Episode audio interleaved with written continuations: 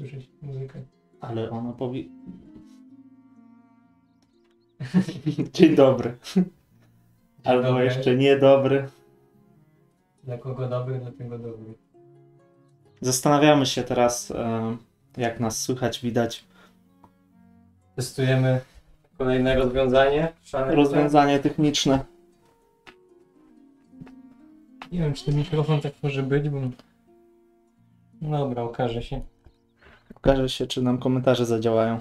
No właśnie. O, 40 oglądających mamy. To napiszcie, jak zawsze, czy nas dobrze słychać. No nie wiem, czy to zobaczę, bo się nie chcę odblokować. Ja widzę. Słychać i widać. To pozdrawiamy tak? dzisiaj, tak. Może y, musisz sobie zaktualizować stronę.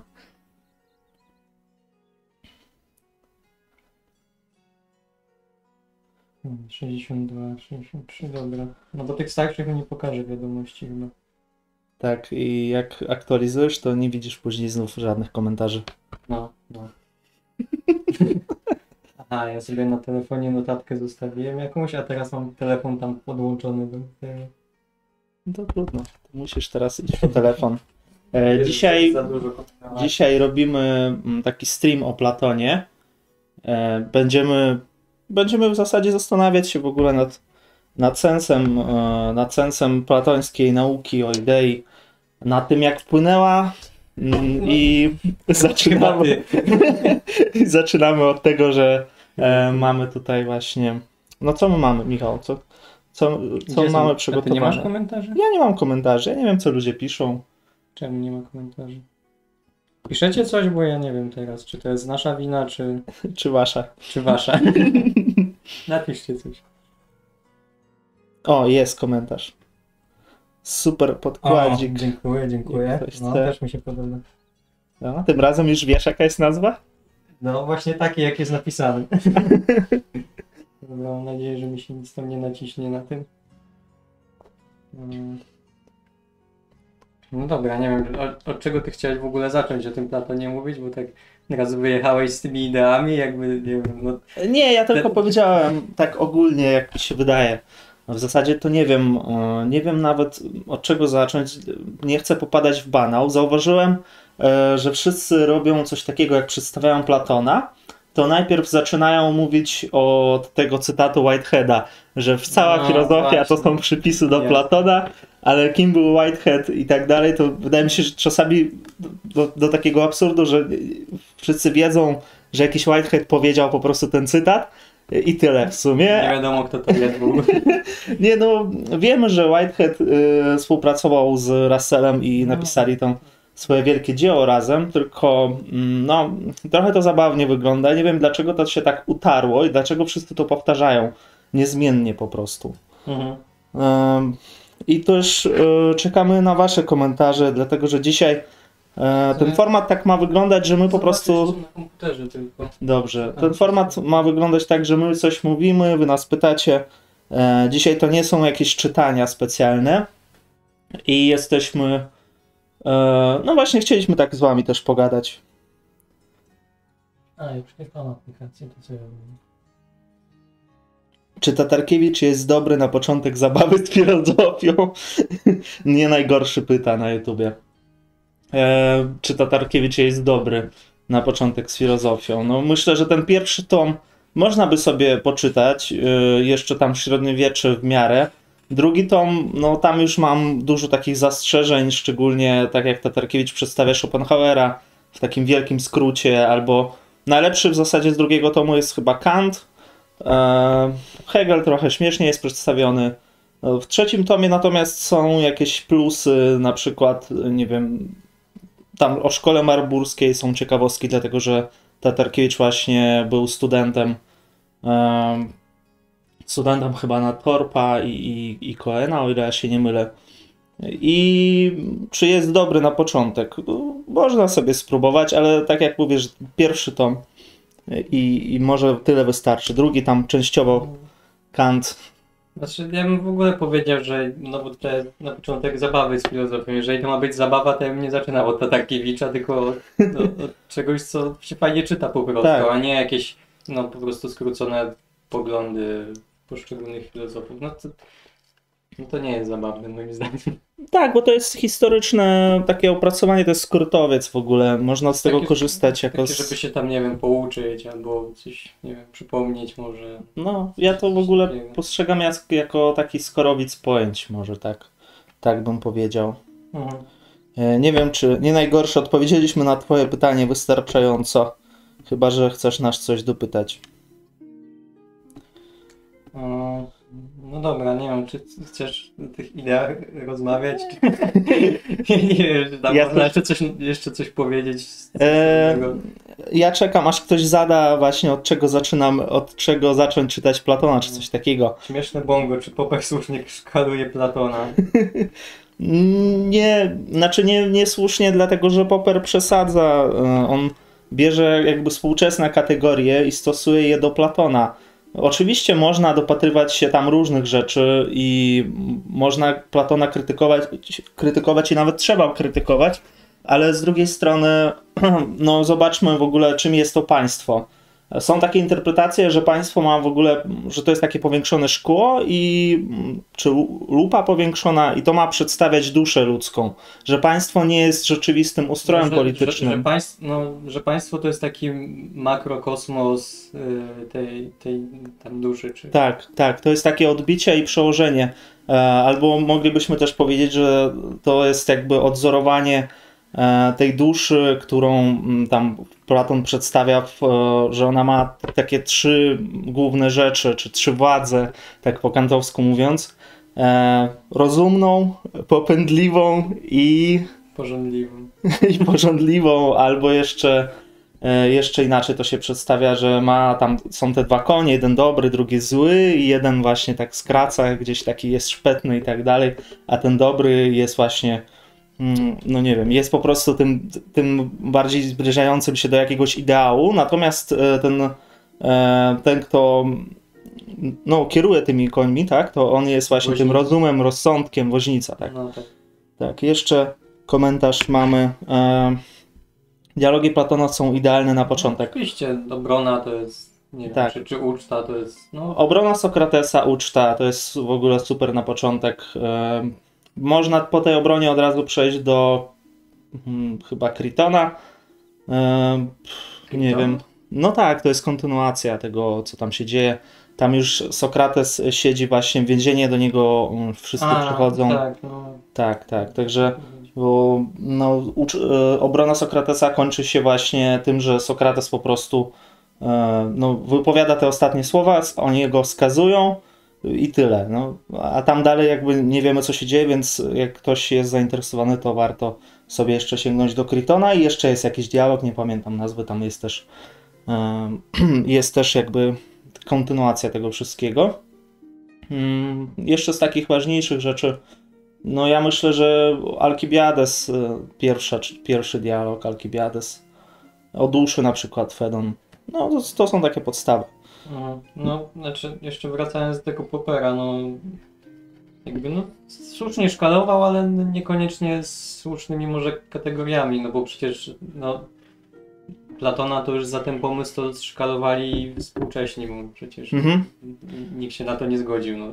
Ja mam wrażenie, że Popper zrobił coś takiego, jak robią ci krytycy właśnie, amerykańscy krytycy, czy tak zwani tam, e, ile tam jeźdźców apokalipsy, trzech jeźdźców czy czterech Czterech. czterech jeźdźców apokalipsy, że oni po prostu absurdalnie traktują e, Biblię, zaczynają czytać i mówią, a gadający węż, ha, ha, ha, co to Mhm. za głupoty i coś podobnego zrobił e, właśnie Popper, że on zaczął czytać Platona i potraktował to nie jako metaforę, a jako właśnie Wszystko tak dosłownie, Dosłownie. bardzo, że tak będzie, będzie takie sztywne, tak jak napisał, tak ma być Tak. i tam nic się już nie zmieni w sumie.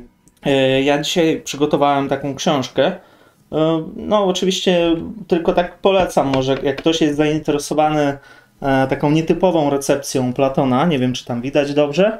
e, To jest e, Simon Blackburn. E, Książka jest poświęcona właściwie e, państwu Platona. Mm, To jest taka recepcja, recepcja państwa, e, krytyczna recepcja e, i seria w ogóle to jest bardzo ciekawa seria książki, które wstrząsnęły światem. e, o co w ogóle chodzi. Tych książek chyba jest siedem i tam na przykład jest książka o kapitale, jest książka o Darwinie, e, znaczy książki o książkach. E, O co chodzi w tych książkach?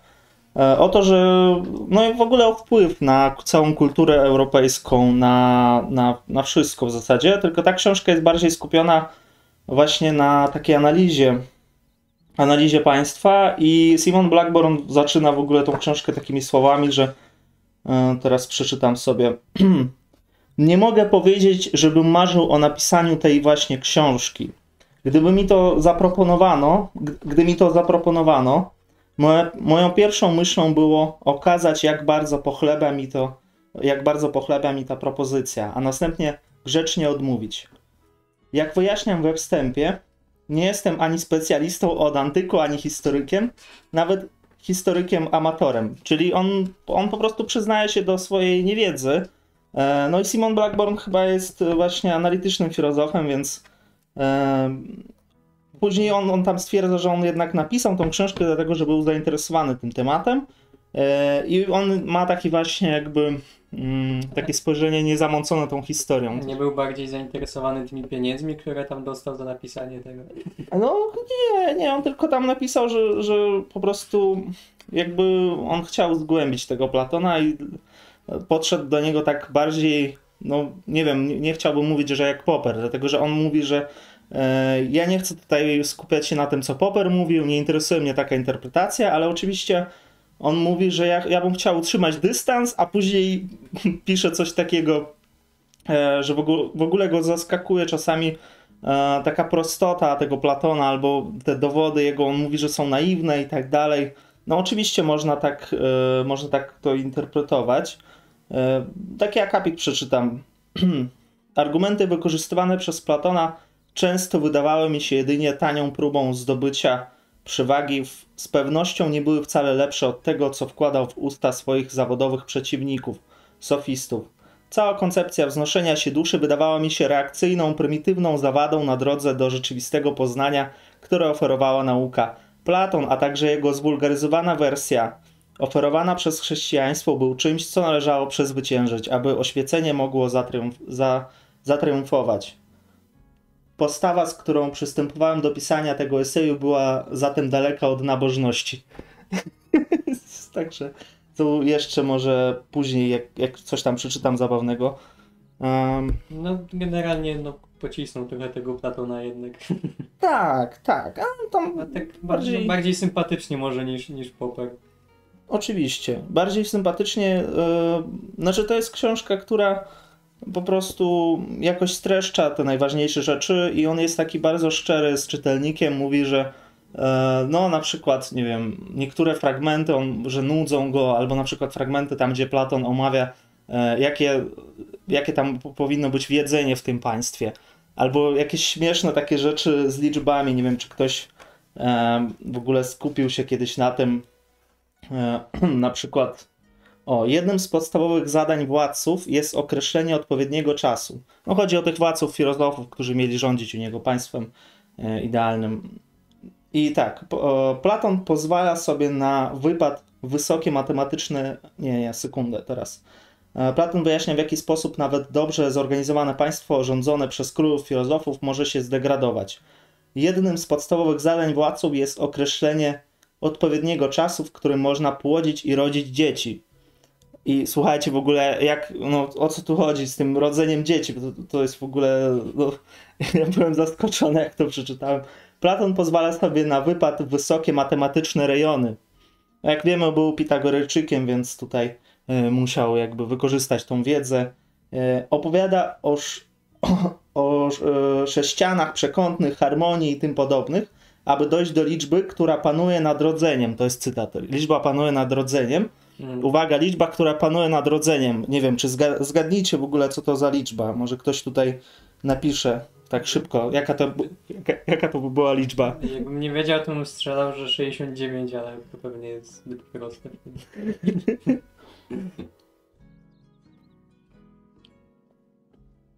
No, nie wiem. Myślę, że nikt nie zgadnie tej liczby, jak tego nie zna.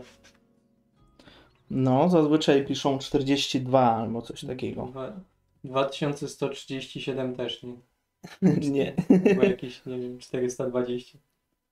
Jaka liczba panuje, panuje nad rodzeniem?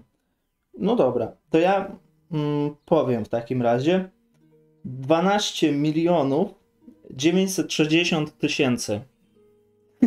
Jak on to wyliczył? Nie wiem. Chociaż tajemnicą pozostaje, co ta liczba ma wspólnego z wyznaczaniem terminu płodzenia A to, dzieci. a to nie, nie było jakoś związane z tym, że to jest taka idealna liczba ludzi na Ziemi, bo jest tyle terenu i Mhm. jakby no, na stan jakiejś tam wiedzy geograficznej policzył, że tak będzie adekwatnie, no nie wiem. No, ja nie wiem, jak on to policzył. Bo ja, ja już kiedyś się spotykałem z różnymi wyliczeniami, ile tam ludzi powinno być i tam właśnie jakieś takie śmieszne miliony Ale podawali. nie, nie, to czekaj, ja nie wydaje mi się, dlatego że on e, chyba, że chyba w prawach ustawił liczbę. Znaczy, że tam chodziło, no bo było, ile- każdy, jakby każdy tam pełnił te swoje funkcje i jakby podług tych funkcji obliczył, że jakby tam ten stosunek tych wojowników do rzemieślników i do Mhm. tych władców musi być taki a taki i mu ta liczba chyba wyszła. Tak mi się wydaje, że to coś takiego było. No, ale to mówisz o liczbie, ile ludzi powinno być w państwie No idealnym. tak. A to jest co innego, to jest liczba w ogóle związana, która panuje No, nad rodzinami. Ten dobry władca musi wiedzieć tą liczbę, tylko nie wiadomo jak ona wpływa właśnie na, na to rodzenie. Ja rozumiem, że, no, no, że to no, jakby brakuje mu, brakuje mu tej liczby, tylko w jakim sensie brakuje, nie wiem, to jest wielka tajemnica. Mhm. No. Spoko. Dobrze, tutaj włączyłem sobie jeszcze. Jeszcze jeden czat? E, no tak patrzę jak nas widać. A chyba dobrze, dobrze wyglądamy. Mhm. No, nie wiem, ja sobie tak zapisałem kilka takich, może nie wiem, jakichś pytań, czy, czy takich zagajeń, żeby coś tutaj może poruszyć, no i tak nie wiem, jakby tak z perspektywy współczesnej spojrzeć, to twoim zdaniem kto wygrał, Platon czy sofiści? Tak ogólnie, kto wygrał? Boże, co to za zbyt ogólne pytanie, No właśnie, ale właśnie takie, żebyś mógł odpowiedzieć tak, jak ci pasuje. ja myślę, że sofiści wygrali. W jakim sensie?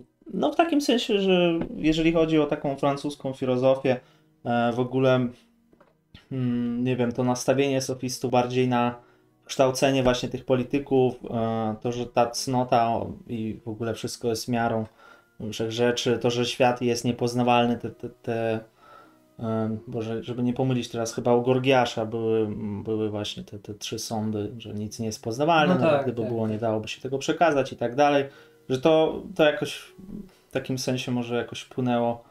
Znaczy dałoby się to porównać e, z tą filozofią mm, taką współczesną. Jeżeli chodzi o filozofię kontynentalną, czym by ona nie była.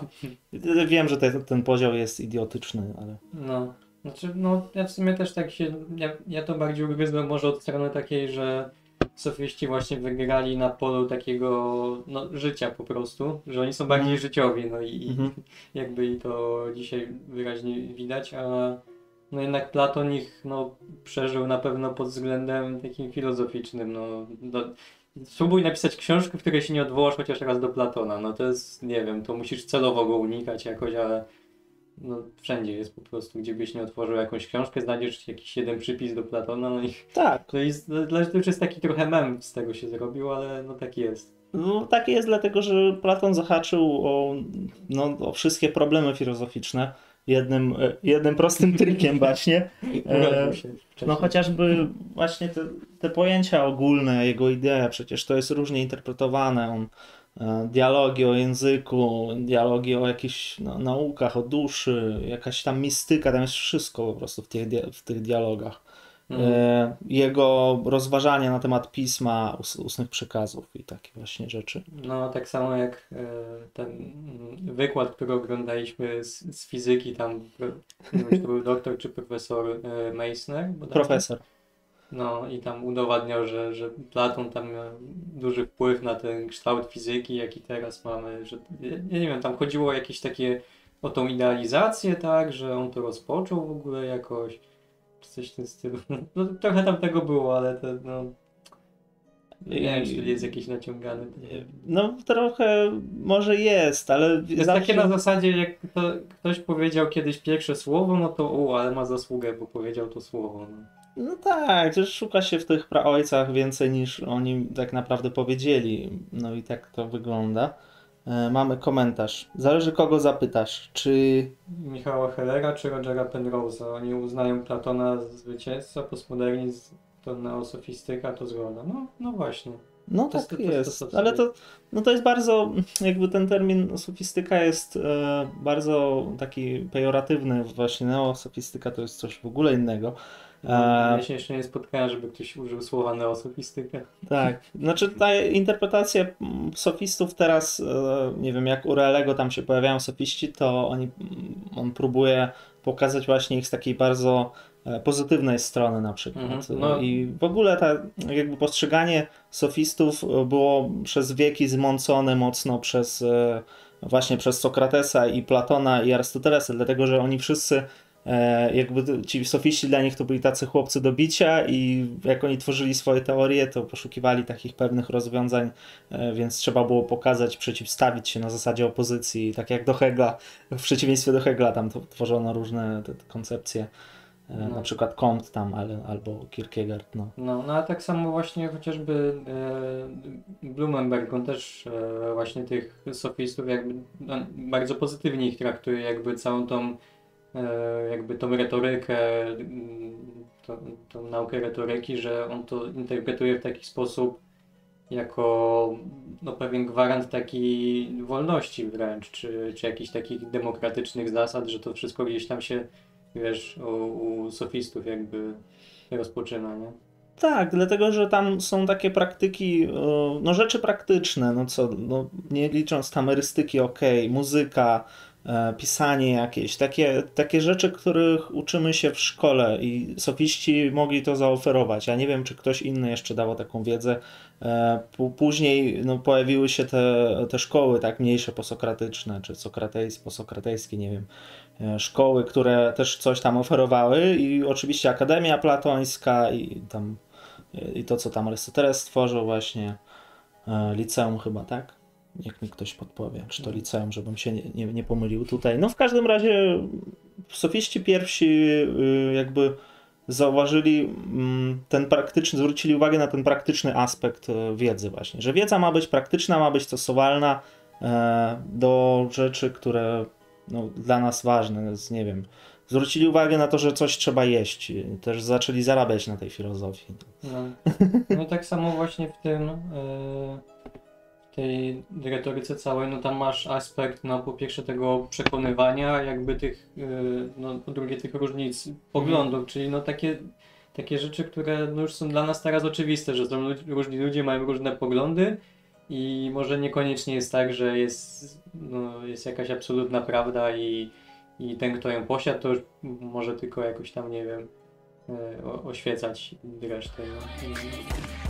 Tak, Właśnie ten taki antyabsolutyzm, anty, jakiś esencjalizm może nawet. Ideolog Nowej No, Lewicy To wpłacił jest wszystko 10 istotne. No. no w porównaniu do tego, co panowało w filozofii, to sofiści zrobili wielki postęp taki właśnie w humanistyce, dlatego że człowiek dla nich się stał środkiem jakby świata, a wcześniej zastanawiano się w ogóle nad takimi ogólnymi rzeczami, co jest zasadą wszechświata, co jest zasadą wszechrzeczy, wszechrzeczy, ale na prostych rzeczach jakby nikt się nie skupiał, a na tych najważniejszych jak dla mnie.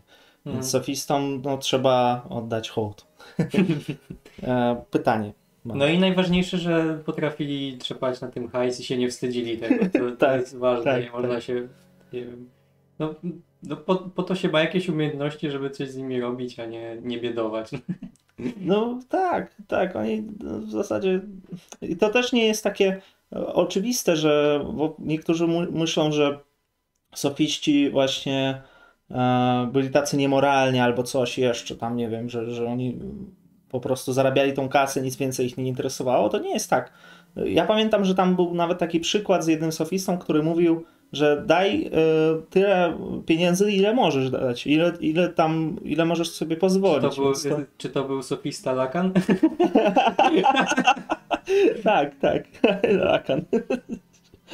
No, to część terapii. No, Weronika Kuncewicz pyta nas. no Co, co, pyta? co sądzicie o dialogu Parmenides? Jak interpretujecie go na tle całej twórczości Platona? Jeśli nie czytaliście, to anuluję pytanie. Znaczy ja od razu powiem, że mi się te dialogi wszystkie mylą. Ja nie pamiętam, w którym dialogu o czym było, więc nie wiem, może ty No. pamiętasz to No ja pamiętam, Parmenides mieliśmy, e, mieliśmy zajęcia z systemów metafizycznych i tam Parmenides czytaliśmy chyba przez, nie wiem, no trzy, trzy lekcje poświęciliśmy, za- albo trzy, no mniej więcej tak to wyglądało. E, Ja myślę, że Parmenides jest e, no, ciężko interpretowalnym dialogiem, ciężko go zinterpretować. E, Są jakieś tam tropy, literatury teraz nie podam, ale tam wiele zagadnień pojawia się, przede wszystkim zagadnienie wielości jedności, tak? I z tego pojawiają się różne argumenty, e, przy czym w tym Parmenidesie pojawia się jakby autorefleksja nad e, właśnie tą teorią idei. Okazuje się, że Platon w ogóle sam siebie skrytykował. On zaorał wszystkie swoje argumenty z idei, doprowadził ich do absurdu y, i w ogóle jakby tam pojawia się ta idea jedności i, i czym by, było to jedno, to już w ogóle jakieś pytanie takie bardzo abstrakcyjne. To są wyżyny platońskiej nauki w ogóle. Ja nie wiem, to też pewnie interpretuje się jakoś na zasadzie mm, tego siódmego listu właśnie, gdzie pojawia się, pojawiają się słowa Platona, e, że, że, że ta ukryta nauka tak naprawdę znajduje się mm, gdzieś tam poza dialogami, że trzeba ją odkryć i Parmenides właśnie chyba, wydaje mi się, tak najbardziej odsłania to, to co tam, tą istotę właśnie platonizmu. Gdzieś, no tak, tak by można to interpretować. Oczywiście niektórzy w ogóle mówią, że ten Parmenides, ten dialog Parmenides, on nie jest w ogóle autentycznym dialogiem. Co, w sensie, że jest taki różny, czy? Tak, on, on bardzo się różni, dlatego że, tak jak mówię, Platon sam siebie skrytykował w tym, e, w tym dialogu. No. Przy czym skrytykował no wszystko i te argumenty, ja, ja się zgadzam z nimi. Tam pojawiają się po prostu jakieś aporie takie, które są nierozwiązywalne. No, problem jedności, wielości polega na tym, że e, czy jeżeli za, zakładamy, że świat jest odzorowaniem idei, to ile, jaka, ile tych idei jest jakby? Czy jest idea właśnie e, tego brudu pod paznokciem, czy nie ma? Czy musimy No. jakby, to doprowadza to do absurdu, w takim razie musiałby być osobny jakiś świat e, tej idei, tak? I on by był odzorowaniem naszego świata dokładnym takim e, i to w ogóle to traci sens ta cała platońska No, nauka. No i to są takie zarzuty, które on tam postawił. No to jest jeden z zarzutów, tam jest chyba więcej, ja wszystkich już nie pamiętam. No to Platon niespełna rozumu. No. Tak, trochę... Albo było, nie wiem, może taki element, yy, wiesz, taki, nie wiem, wspiął się właśnie na te wyżyny filozofii pod tym względem, że nie miał sentymentu, żeby jakoś tam, wiesz, bronić bardzo tego, co sobie wymyślił wcześniej, tylko dlatego, że to wymyślił i się jakoś przywiązał do tego. No, widać, widać chyba się nie przywiązał do tego mocno.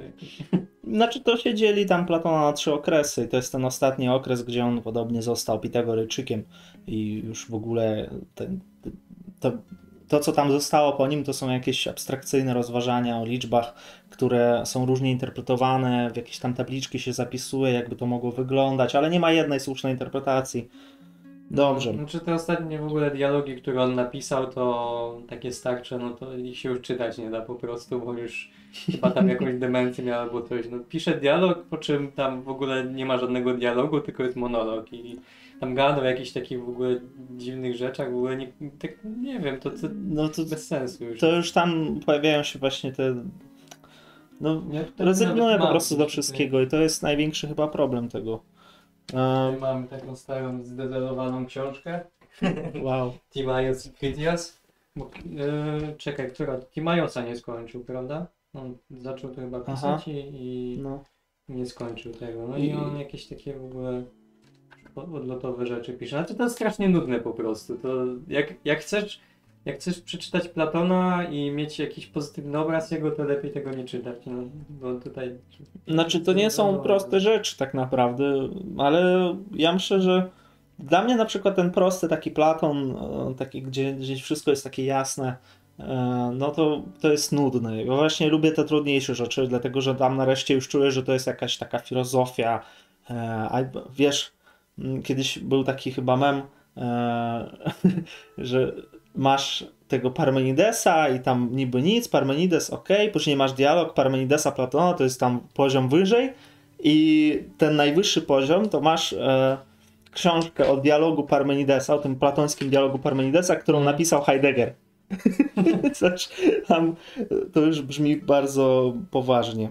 No, Grzegorz na, na kwaski pisze, zwłaszcza, że Platon nie, nie musiał zarabiać na swoje utrzymanie. No tak, no, bogaty był z arystokrata, y, więc ta filozofia jego też jest taka właśnie arystokratyczna, elitarna. Mm, Znaczy jest y, arystokratyczna w tym sensie, że Platon y, no, buduje jakąś tam hierarchię, tak? Że go nie, nie obchodzą jakby wszyscy z jednej strony i też ci filozofowie mieli być takimi trochę, no nie wiem, mm, kurczę, nie jest to wszystko takie proste u niego. No, chciałbym powiedzieć, że, że oni mieliby mieć jakieś bogactwa, ale nie. No ale ten podział hierarchiczny, wydaje mi się, że coś w nim jest takiego właśnie arystokratycznego, że są lepsi, gorsi i tak dalej. I te założenie jakieś tam, które można nazwać eugeniką, że jest podział, że zabierają ci dziecko z rodziny i kształcą tam go na żołnierza, ale to zależy od jego predyspozycji. jeżeli to jest jakiś arystokratyzm, to wydaje mi się, że on jest taki no, nieuświadomiony na zasadzie, że każdy ma swoje miejsce, a to, że ja Mhm. akurat się urodziłem tym, który będzie tam rządził, no to... No to jest elitaryzm, tak. No ale to wszystko jest i- zgodnie z ideami, właśnie z tą nauką idei, że im bliżej jesteś do dobra, tym lepiej wiesz, co jest korzystne dla wszystkich i, i jakby w tym tkwi założenie, że jak już jesteś taki bardzo wykształcony, to ten świat materialny tak za bardzo cię nie obchodzi, skupiasz się bardziej na właśnie na tym dobru, na tym Mhm. oświeceniu. E, No. No, jeszcze może dodam jakby gwoli uzupełnienia, na, dlaczego, no, dlaczego te dialogi są słabe już po prostu, to o którym wspominałem, czyli Timaios i Critias. No Właśnie we wstępie chociażby e, Witwicki mm, właśnie to opisuje w ten sposób. Mm, Tutaj zacytuję. Jego talent poetycki przebija miejscami, ale krępuje go pedantyczne usiłowanie, żeby być rzeczowym. Język zatracił prostotę i naturalność, zanikły wszelkie ślady dramatyzacji, nie ma śladów komedii, nie ma żadnego życia w tej rozmowie. Piszący zapomina się często, jeżeli idzie o gramatykę, przestawia wyrazy, wtrąca je w niespodziewane miejsce w zdaniach i często pisze tak, jakby nie bezpośrednio własne myśli wypowiadał, tylko jakby czyjeś wypracowanie poprawiał. E, język Timaeusa jest tak mętny i zawiły, że już w starożytności pisano komentarze do tego dialogu. No, no Ale to Witwicki, kurczę, on to pisał bardzo dawno i te jego jasne. komentarze są... Ale ja, ja nawet nie czytałem na początku tego wstępu, Mhm. tylko od razu wszedłem po prostu Mhm. w dialog, zaczynałem właśnie od tego Timajosa i tak sobie czytam, Jezu, ale o co co, ale to już? No, co to ma być? Nie chcę się tego czytać. Później wróciłem do tego Kritiasa i jeszcze gorzej było, już po prostu nie mogłem. No, ja powiem tak, że szkoda, że on to tłumaczył z takim założeniem, że to jest niezro- niezrozumiałe. Dlatego, że ten Parmenides też w tłumaczeniu Witwickiego, on tam chyba mówi coś takiego, że za chwilę to ta jedność, wielość zaczną tańczyć już, bo tak tyle razy powtarza ten Parmenides o tej wielości, jedności, że nie wiadomo co się dzieje, gdzie jest jedno, gdzie jest wiele, y, że nie da się już w tym połapać. No. Mhm. No nie wiem, jeszcze Kumaniecki był w redakcji, to nie wiem, może ktoś, ktoś by się doczepił, gdyby był przesadnie krytyczny. No. Jeszcze mamy komentarz od e, Macieja Tomasika z YouTube'a. Parmenides ścieżka prawdy autorstwa e, Krzysztofa, chyba Krzysztofa Mrówki. Wiem. Tak, a ja mogę polecić e, z kolei Parmenides, e, oj nie Parmenides, e, Mrówkę też książkę o Heraklicie, tam gdzie Mrówka analizuje każdy cytat po prostu i wypisuje po kilka, kilka interpretacji pod każdym cytatem właśnie Heraklita. I to jest super w ogóle książka, jeżeli chodzi o Heraklita. Dokładnie, anal- dokładne analizy, tam gdzie pojawia się jedno słówko to i jest rozpisane na trzy strony, to jest niesamowite, ile w ogóle on wersji bierze tych interpretacji, ze wszystkiego czerpie po prostu. Myślę, że to jest kwestia, że im mniej e, jakichś fragmentów po kimś zostaje, tym można sobie pozwolić na więcej interpretacji, bo, no bo nie ma się z czym bawić. No. Mhm. Jest jedno zdanie na przykład, no i co można z tego wywnioskować. No, interpretuje się to zazwyczaj na podstawie właśnie takich historycznych danych, co, jak wtedy myśleli Grecy, dlaczego e, wtedy no, Heraklit tak myślał i tutaj zestawiają jakby te poglądy, wychodzi to jakiś postęp, czy tam rozwinięcie jakiejś myśli. Mhm. Albo wychodzi na to, że to było takie greckie myślenie po prostu, a nie, nie chodzi o to, że Heraklit był aż takim po prostu. No to się brało właśnie z życia wszystko u nich, nie? Mm. Nie da się tego tak oddzielić łatwo, tej filozofii od, od historii, właśnie. No. No. Co tu jeszcze piszą? Nic nie piszą. Nie wiem, to ja bym cię zapytał tak, taki, taki szybki strzał.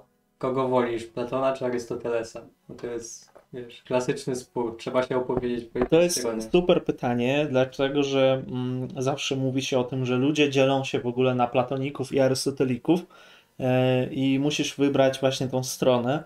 E, no i tak, no tutaj te, nie da się tak prosto odpowiedzieć. Jeżeli jesteś za Arystotelesem, to znaczy, że jesteś za nauką, za takimi badaniami właśnie ścisłymi, za No, logiką, za tym, takie- co jest no, bardzo ważne w sumie, a jeżeli mówisz za e, właśnie, jeżeli mówisz Platon, no to w takim razie mm, jakby tak jakbym powiedział, że nie podoba mi się trochę w tym świecie, ja bym chciał do tego światu, świata idei gdzieś tam bliżej do niego być, e, kontemplować ten absolut, to dobro e, i oderwać się właśnie od tej rzeczywistości.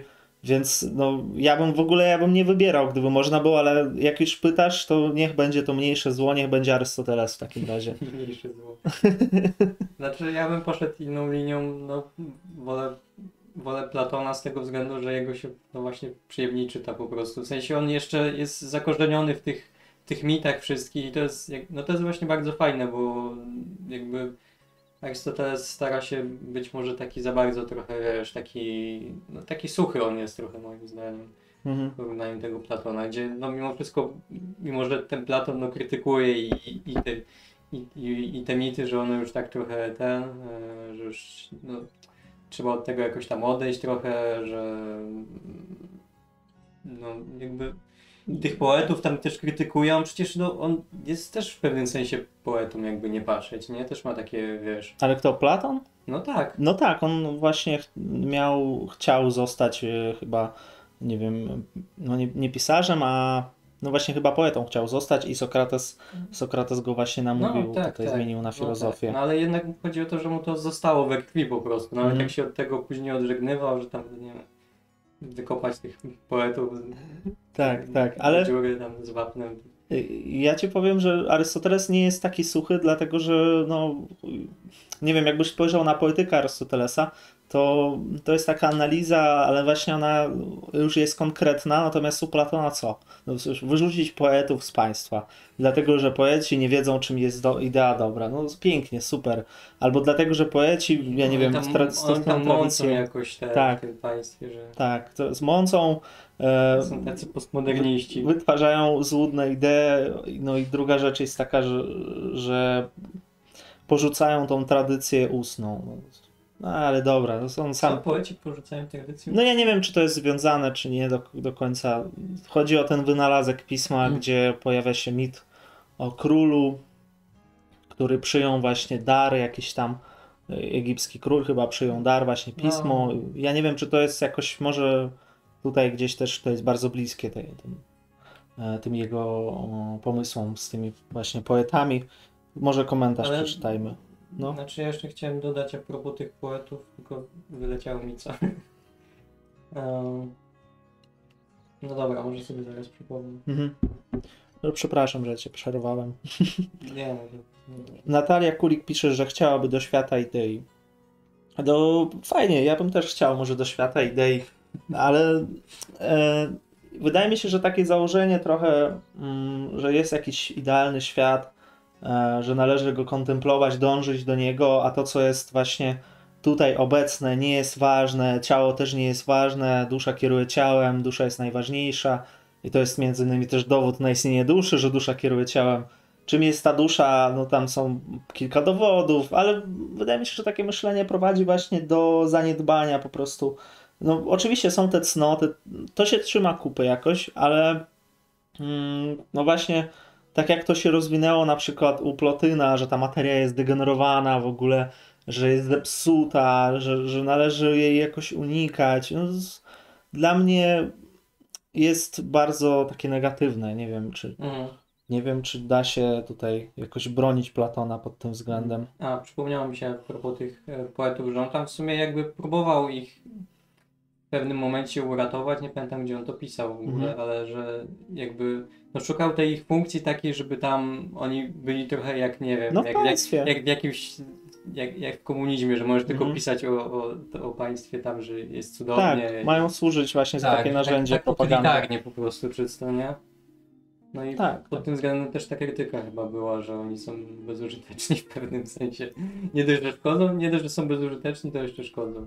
No tak, to, to jest tak jak No i jeszcze te, te mimezy oczywiście tam, wiesz. Tak, nie wiadomo co naśladują i w ogóle przecież to się pojawia już w obronie Sokratesa, tam gdzie Sokrates chodzi i szuka tego najmądrzejszego osobnika, e, przychodzi tam do polityków, no głupoty gadają, przychodzi tam e, do, do poetów, a poeci, okazuje się, że poeci też nic nie wiedzą i mówi, że tutaj każdy, każdy z tłumu, który tam stoi obok tych poetów mógłby tak samo pisać różne głupoty, o ile nie mylę ich z politykami. I później tam przychodzi do rzemieślników i stwierdza, że ci rzemieślnicy e, właśnie coś tam lepiej wiedzą, ale jednak poprzez to, że właśnie oni e, mają jakieś e, swoje, mm, nie wiem, technę, tą sztukę, coś umie, potrafią zrobić rękami, a to przez to, że coś potrafią, traktują, że oni wszystko tak samo potrafią zrobić, a jednak też nie mogą. I później okazuje się, że to Sokrates jest tym najmądrzejszym właśnie filozofem, osobnikiem wśród tych ludzi.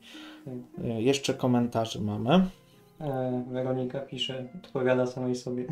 Wydaje mi się, że akurat nie za pismo Platon chciał wywalić poetów, poezja w tym czasie raczej wciąż przynależała do mowy żywej, gdzie no właśnie też mi się tak wydawało, więc Mhm. Nie chciałem jakby tutaj... No tak, to znaczy tutaj ja, ja widziałem kilka interpretacji. Yy, znaczy dwa, są dwie rzeczy. Po pierwsze, że wytwarzają złudne jakieś idee, a po drugie właśnie to, że ta tradycja ustna jest dla niego ważniejsza od tej pisemnej. A to, co się utrwala na, pi- na, na piśmie, no, po prostu to, co znajduje się w książkach, może później negatywnie jakby skutkować. Yy, No i tutaj można rozważyć na ten temat, że jak coś napiszesz, to już na wieki zostanie, a jak coś powiesz, to jeszcze to da się tam zmienić i tak dalej. I że ta tradycja ustna, no wtedy ludzie też nie, nie zapominają, że jak się to przekazuje, to mają lepszą Mm, pamięć i tak no. dalej. To jest takie założenie właśnie. No, takie no, naiwne, co chociażby właśnie po, po tym, jak później się zaczęto interesować tymi mitami tak w taki historyczny sposób, żeby prześledzić je jakby skąd one się wzięły, to później się okazuje, że milion wersji się w ogóle narobiło tego, nie wiadomo gdzie jest początek, co, co, co jest rdzeniem tego, jakby no wszystko się to porozjeżdżało, więc ten przekaz ustny no, jest trochę, trochę niedoskonały, tak lekko, No. lekko ujmując. No No i inna sprawa, no, to, czy to są oczywiste rzeczy już z naszej perspektywy, no ale ile rzeczy no, zatraciło się po prostu, ile więcej moglibyśmy wiedzieć o tym, o tym co było, gdyby to, wiesz, zapisywali. Tak, tak, tak. To no, z wiele takich ustnych rzeczy to y, czerpiemy właśnie z tej tam historii Herodota, czy tam innych historyków, gre- historiografów, czy jak oni tam się nazywali. Jakby masz ten taki schemat, powiedzmy, że im bardziej się co- cofasz wstecz, tym ten materiał taki badawczy jest coraz skromniejszy, że teraz to mamy po prostu wszystko, wszędzie tam masz materiały, wideo, zdjęcia, to wszystko już, wszystko można żywo podejrzeć praktycznie. Później masz tylko te zdjęcia, później tam obrazy i pismo, tam same obrazy, nie wiem, później jakieś tam takie archeologiczne rzeczy i Da się obronić ten pogląd, tak e, patrząc na to, jak ona, nie wiem, może na, na taką metaforę, w sensie patrz w ogóle na świat techniki, że im bardziej świat techniki się rozwija, tym mniej musimy robić. Im, im więcej mamy instytucji, tym znów mniej musimy robić. Popadamy w takie tak zwane barbarzyństwo specjalizacji. Nie pamiętam, kto tak pisał, ale wiesz o co mi chodzi, że, że technika e, i właśnie to, ta, ta też to pismo jest taką pierwszą, pierwszym wy, wynalazkiem technicznym. E, I właśnie technika sprzyja temu, że za- zapominamy, stajemy się le, leniwi właśnie, że mniej skupiamy się na tej duszy. e, No i Znaczy ja no, tak na obronę Platona no, powiedziałbym, że jakby z jego perspektywy to co ta jakby obrona czy, czy to wystąpienie przeciwko temu pismu no jest o tyle sensowne, że to się wszystko wpisuje w tą teorię jego. No, przecież jeżeli masz ten świat idei już idealny, do którego tylko dążymy, to nie ma po co tego spisywać, co tu jest, to po prostu nie wiem, to społeczeństwo ono jest w jakiś sposób e, ona się tylko musi dopełnić. Ona może się tylko albo jakoś tam dopełnić, albo zdegradować. Tam nie ma w zasadzie żadnego postępu tak naprawdę, więc no po, po co tu jakąś historię uprawiać, czy, czy cokolwiek, skoro wiesz, to, no to jest niepotrzebne z jego perspektywy, żeby to wszystko Mhm. zapisywać. No, no, no wiesz, Tam chodzi o to, żeby tym, nie wiem, cno, cnoty tam doskonalić i będzie, będzie gil, zbliżymy się do idei. Tak, tak, że, że, że będzie wszystko właśnie odzorowaniem tej, tych trzech idei właśnie, prawdy, dobra, piękna i będziemy szczęśliwie żyli. Oczywiście no, do tego to, się, to wszystko zmierza, ale to nie jest może aż tak naiwne, no już nie bądźmy tacy aż na, nadkrytyczni. E, No, Mamy komentarz od Bartka z Krobisza. Michał Maczuga, może ci się przyda. spodoba. Spodoba. Nie wiem dlaczego się przyda. Przeczytałem. Nie, Mam nie wiem, jaka jakiś- maszuga. E, Michał Kasprzyk pisze Siema Jarzębie. to jest miejscowość jakaś? Nie, A co to jest? Jerzębie. No nie wiem, może tak, taki wiesz. Może to jest ktoś, ktoś ma taką, taką ksywkę mamy, Jerzębie. Aha, no dobrze. To, czyli to do nas. Tak, siema Michał. Cześć Też Michał. jestem Michał. Michał Kasprzyk. No coś mi tam niby nazwisko mówi. A, był taki kiedyś kolega u nas Kasprzak na Ja studiach miałem taką nauczycielkę z biologii w gimnazjum. w gimnazjum. No. Mm.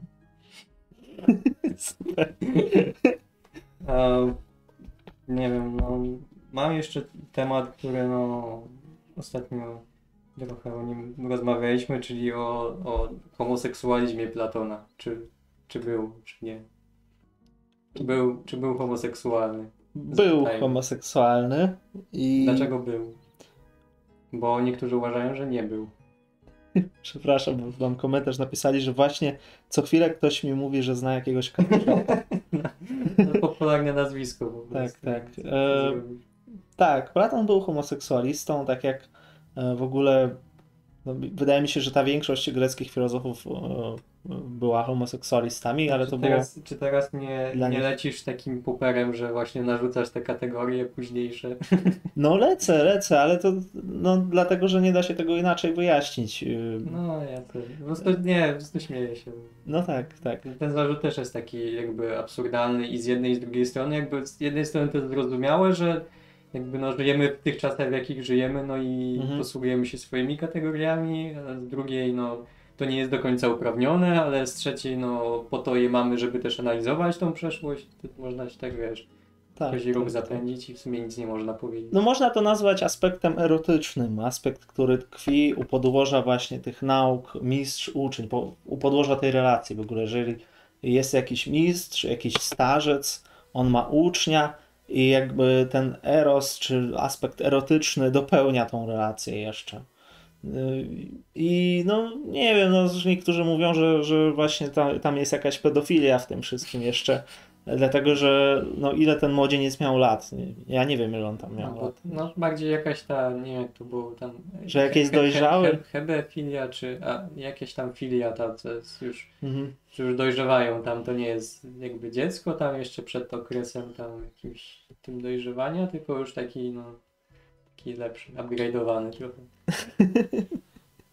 Szanuję za Bungosa na stoliku, wolne konopie, tak? Ale drugi, drugi komentarz to muszę niektórych tutaj rozczarować. No to nie jest bongos, tylko to jest lampka naftowa. Ale Ona się rozumiem, nie można, rozwali, można się wezmę? pomylić. No ja bym tego nie dźwigał, bo tu się to, Aha, to dobra, muszę przykleić jeszcze. To już nie dotykam tego. No, ale tu jest taki knot, Kiedyś nie wiem, czy to odpalimy. będzie, nie wiem czy to widać na streamie. Nie Czy- widać dlatego, że tam masz mikrofon. Aha, to może O, teraz. tutaj lepiej. Nie wiem, czy tam widać, że coś się wysunęło, ale no, i teraz się Działa, wsuwa, działa. wsuwa z powrotem. Tak, także to nie jest atrapa. No. No, ki- kiczowaty jest. To są PRL-owskie jakieś cudawianki, nie? Albo, Lata albo, 50, taki, 60, albo to- takie imitowane, no. No. Mm. No, ale o czym mówiliśmy? O tym, czy A, był o- homoseksualistą. No. No i co, że była relatem mistrzów? Zobacz te komentarze. No w sumie jak się nadciągasz tego, to... Oj, nie mów takich, bo teraz nas tutaj YouTube Zablokuje, zbanuje. No, za wąchanie nafty? Nie, że, że my tutaj e, odkrywamy jakieś tajemnice. Tak, ten, mm, psujemy młodzież. Psujemy młodzież. Petr Petrikson pisze, do rzeczy. Do rzeczy, Do rzeczy samych. No to wracamy do rzeczy. No, to Platon. Aha. No i co? I co z tym homoseks- se- homoseksualizmem? No była relacja i, i, i co? No była relacja i ona była czymś takim oczywistym. E, Oni tego nie wyróżniali specjalnie. No, Grecy byli chyba panseks- panseksualni, więc nie było to czymś takim wow, patrzcie, on jest homoseksualistą, że to jest jakieś nienaturalne. Oczywiście później w chrześcijaństwie pojawiały się takie interpretacje, że, że w ogóle, y, że nie wiem, czy tam Sokrates zwalczał Sokrates zwalczał homoseksualizm, nie wiem skąd to się wzięło, ale, ale niektórzy tam próbują sobie wybielić, y, znaczy w ich oczach wybielić tego Sokratesa czy tam Platona i, i zazwyczaj jakby to się pomija, dlatego że to jest takie trochę niewygodne, nie mówmy o tym lepiej, bo to nie, nie wiemy za dużo o tym, ale to się pojawia wszystko w dialogach, tam nie ma co ukrywać. Sokrates chyba mówi wprost, że ten Alkibiades jest bardzo e, jakiś tam popędliwy, czy coś takiego, e, żeby, że też mówi o tym ciele, e, mówi mu o, mu o innych jakby, że inni doceniają w tobie, do, Sokrates zwraca się do Alkibiadesa mówi, że inni doceniają w tobie to, to twoje ciało jakby dla nich jest ważniejsze, natomiast nie doceniają twojej duszy, a powinni się skupić na duszy i tylko właśnie ten starzec potrafi skupić się na tej duszy, natomiast ci młodzi, dla nich ważniejsze jakby jest ciało. No, no przecież z tego płynie wniosek, co, co się dzieje tutaj. Że nie, nie mówili o tym wprost. No, Ale wiesz, no, można to zinterpretować, że on tylko badał zjawisko, które tutaj, wiesz, się pojawiło. Że to Tak. on, on nie, on tylko patrzył tam. No. on był tym biegłym obserwatorem. Tak. Już mamy kilka komentarzy też dotyczące tego, o czym mówimy teraz. E, Michał Kasprzyk pisze: o, o homoseksualizmie mówi się chyba sporo w kontekście Pitagorejczyków. Jak myślicie, to kwestia pewnego nimbu tajemniczości, jaki roztaczał się nad e, szkołą Pitagorasa? No, to, to tajemnic... no oczywiście, no tam było jakby zamknięte mocne środowisko, nie wiadomo co się tam w sumie działo. To, to jak, no, tych teorii jakiś no, sporo powstało i no, jak to zweryfikować w zasadzie? E, No no, na problem. pewno się tam coś pojawiało, no bo to były takie czasy po prostu, więc jakby nie, może bym nie szedł jakoś, że tam jakieś orgie uprawiali homoseksualne, dzikie, no ale na pewno coś tam się pojawiało. Nie wiem, czy to było jakieś, jakoś bardziej nasilone niż, niż Mhm. reszcie Aten, czy, czy, czy nie. No ale no, trzeba też uważać z takimi rzeczami, bo jak coś jest tajemnicze, to już tam można wszystko później wsadzić. No tak. E, Ciekawe jest to, że oni tam przechodzili przez tą taką inicjację, że 5 lat e, nie mogli się odzywać w ogóle i tam Pitagoras gdzieś siedział A, za, wiadomo, za to cię szatą. tam najpierw cię ci tak się tam przeorają, ty nic nie możesz powiedzieć Tak. i już wtedy jesteś tak, wiesz, już zniszczony, że już tam zostajesz po prostu. Nie mogłeś się odezwać przez 5 lat, że ci tam krzywdę robią. No tak. E, Następny komentarz od Agnieszki Pawlenki. Mm, Platon, krytykując poetów, krytykował ówczesny model edukacji, krytykował poematy homerowe, które rościły sobie pretensje do wiedzy dotyczącej wszystkich obszarów. No ale z drugiej Platon się zachwycał, z drugiej strony Platon się zachwycał właśnie Homerem.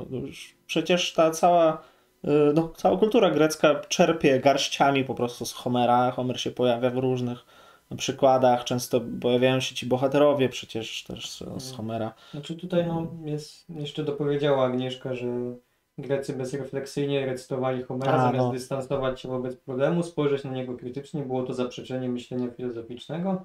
Jest to oczywiście jedna z wielu interpretacji jego myśli.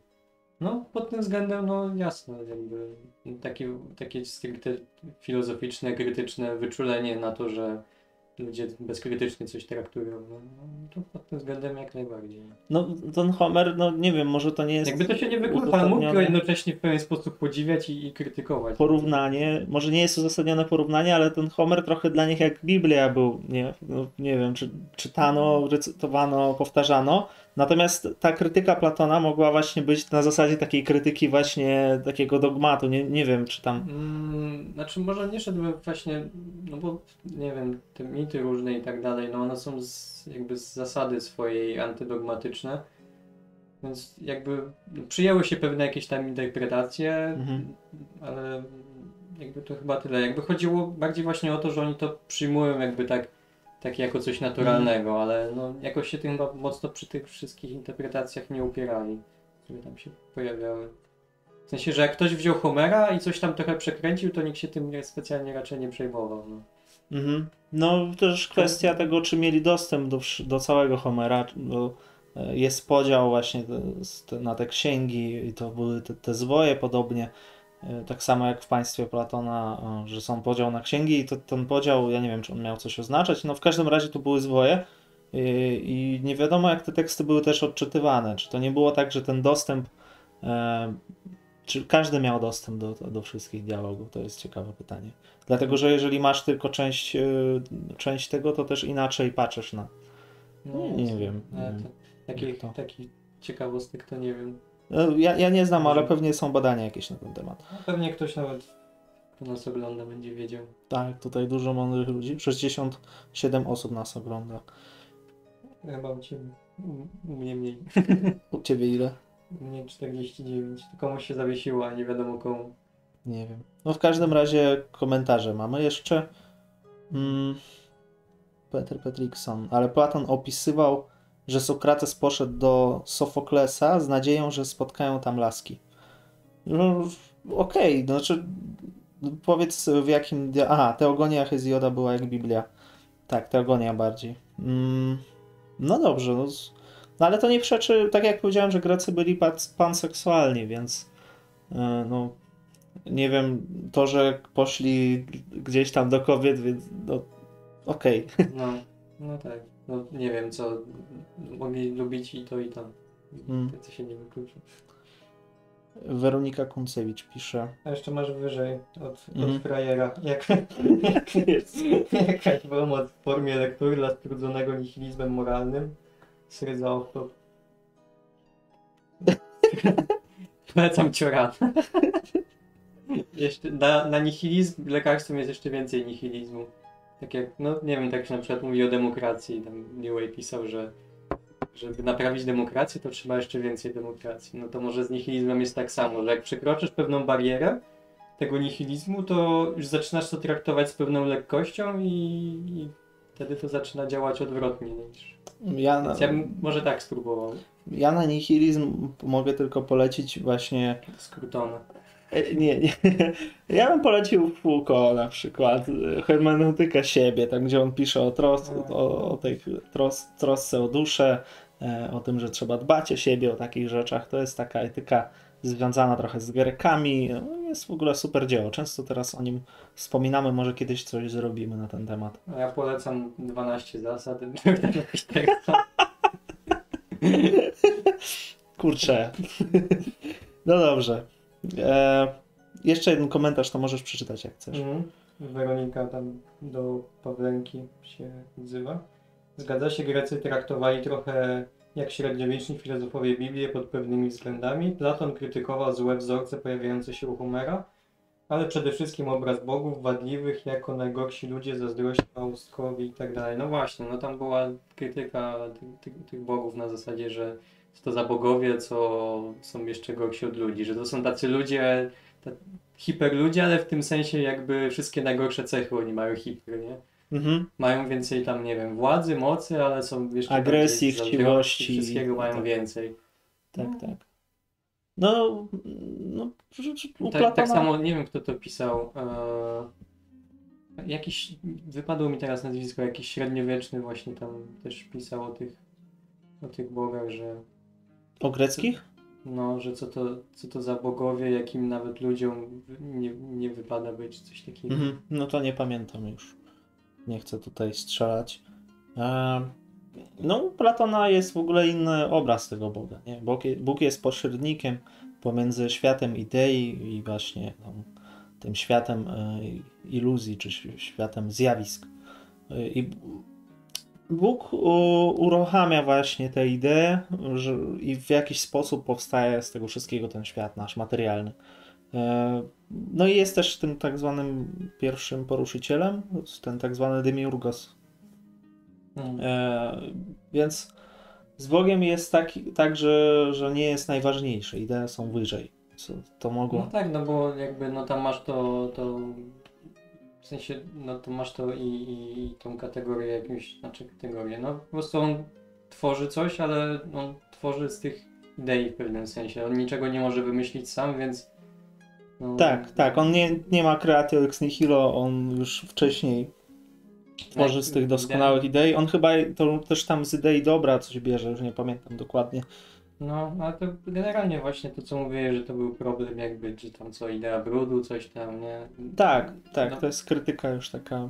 No, znaczy ja tylko to czytałem na tyle, że mm, jakby, no bo można się zastanawiać, no teraz mamy tyle tej nowej technologii i tak dalej i Mhm. ludzie tego, i co, i to idee też tego wszystkiego są, nie wiem, idea bongosa, idea sztucznej inteligencji, idea czegoś tam, no i, no nie wiem, no Platon to tak mm, z tego co kojarzę, bo odpowiedział, że one, że tam jest co- coś takiego, że one jakby, nie wiem, może te składowe jakieś takie... Nie, jest, da się to obronić. Y, Są idee relacyjne właśnie, jakieś, tak jak kategorie nie wiem, u Kanta, tam jakaś idea jedności, idea różności, y, że są jakieś opozycje właśnie, tak jak u Pitagoryczyków miałeś tam przeciwieństwa, tam 10 przeciwieństw i pomiędzy tymi przeciwieństwami gdzieś jest harmonia umieszczona i w taki bardzo podobny sposób właśnie te przeciwieństwa są jakby ideami e, i to ma wszystko harmonizować, porządkować ten świat, więc ważniejsze tutaj są relacje. To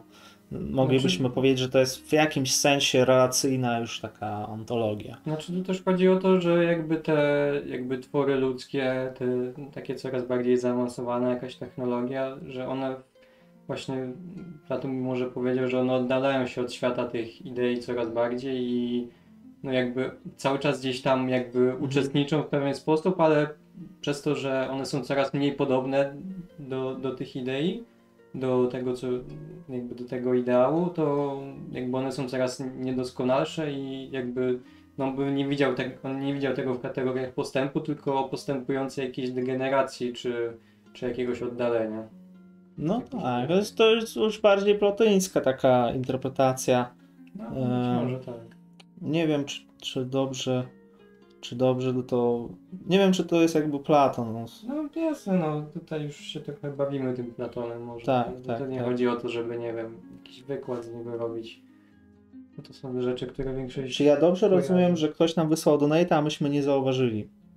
Nie wiem. No, możesz zobaczyć. To, a po czym to stwierdzasz? E, Mamy na górze 10 zł. Ideolog nowej lewicy nam wysłał.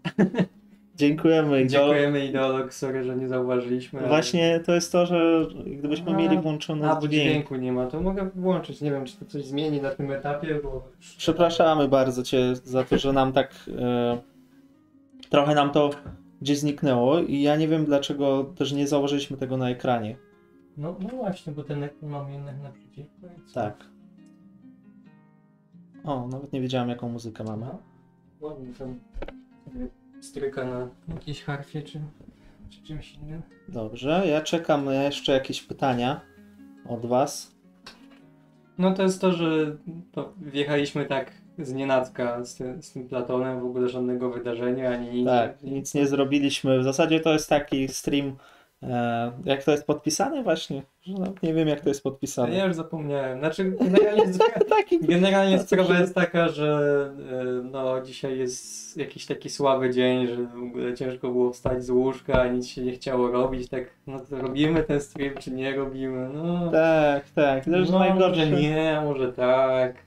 Siedzimy w domu i tak naprawdę nie, no, nie możemy za bardzo nigdzie pójść. y, To znaczy możemy chodzić codziennie na strajk i chyba, i chyba tak, tak trzeba robić. E, Tak. ale jak siedzisz w Po domu, tak na strajk. stream i strajk i w domu siedzisz i, i, No. i chcesz cały czas spać, to jest, to jest okropne. Stream, strajk, spanie. Nie da się w ogóle czytać normalnie, jak w domu siedzisz cały czas. Potrzebujesz jakiegoś powietrza, coś, No, cokolwiek. no, jak, jak jest cieplej, to można iść na ławkę trochę poczytać. Ja tak to czytałem. Tak. Trochę przy biurku, trochę w łóżku, trochę na fotelu, trochę w kuchni. No, ja w łóżku po 30 minutach czytania zasypiam zazwyczaj. No. A tak w ogóle. Hmm, No, najgorzej jest, jak siedzisz w domu i, i masz po prostu wszystkie zajęcia i, i wszystko w Teamsie. Później zabawę masz też na Facebooku, komentarze. No, oddalamy Big- się od, od tej idei. Oddalamy od, się już. od idei studiowania i to już jest Tak, jakiś to już totalna ekasia właśnie. To są te iluzje, te, te cienie jakieś tam. No. A propos tej AKC i w ogóle tego podziału na odcinki, ta słynna metafora e, Platona, że jest, są jakieś podzi- podział na, na właśnie na pistis, na Ikasię. Ikasia, tak, mamy tam cienie, mamy jakieś e, takie zniekształcone obrazy rzeczy. Później e, są rzeczy zmysłowe, m, które znajdują. No, znaczy, chodzi mi o teraz o hierarchię poznania, bo tak zacząłem o tym mówić. Później są byty matematyczne i tam idea, idei właśnie najwyższe, jakieś tam ostatni poziom poznania, e, poznania tych eidosów, to jest chyba tam e, noezis, czy jakoś tak to się tam nazywa. No w ogóle, czy da się tutaj, tak wracając do Blackborna, od którego zaczęliśmy stream, czy da się ten podział uzasadnić, w sensie, gdzie jest ta granica? No, to jest ciekawe. No, Blackborn pisze, że w ogóle granica nie jest jasna na przykład że mówi, no dobrze, no mamy ten, ten świat zmysłowy i mamy świat idei, tak, ale skąd wiemy, że poznajemy właśnie tą ideę? Skąd? Że mówi, że wiedza jest to prawdziwe mniemanie, mające właściwie pochodzenie zgodnie z resztą z wyjaśnieniem, które sam Platon podaje w innym dialogu Tea- Teatecie. Skoro tak, ktoś, kto przyjmuje właściwy punkt widzenia, może wiedzieć coś, co dla innej osoby jest tylko przypuszczeniem czy, czy przekonaniem. Ktoś, kto się obawia, podejrzewa, czy wierzy, że w jego e, śmietniku buszuje niedźwiedź, może gwałtownie otworzyć drzwi i przekonać się, że tak jest. Dowiadywanie się, e, dowiaduje się dokładnie tego, co przedtem było jedynie przedmiotem podejrzenia. Nie ma różnicy między przedmiotem wiedzy a przedmiotem mniemania. Państwo oferuje jedynie kruche uzasadnienie dla pragnienia wyrwania się ze zwykłego świata, zastąpionego przez dziwny świat rzeczy wiecznych i niezmiennych, stanowiący przedmiot dociekań filozoficznych. No, że tak bardzo sceptycznie do tego podchodzi, mówi, że, że w ogóle nie da się tego podzielić. No E, to jakby, jakby to posadzić w tym, w tym państwie Platona, no to w zasadzie ci filozofowie też mają taką funkcję odciążającą na zasadzie, że spoko, my tu już mamy wszystko ustalone, wy się nie musicie martwić, co jest, co jest prawdą, a co jest mniemaniem, my wam zawsze powiemy, nie? No. No, no tak, no, Platonie, y, filozofowie przyjmują właśnie taką funkcję.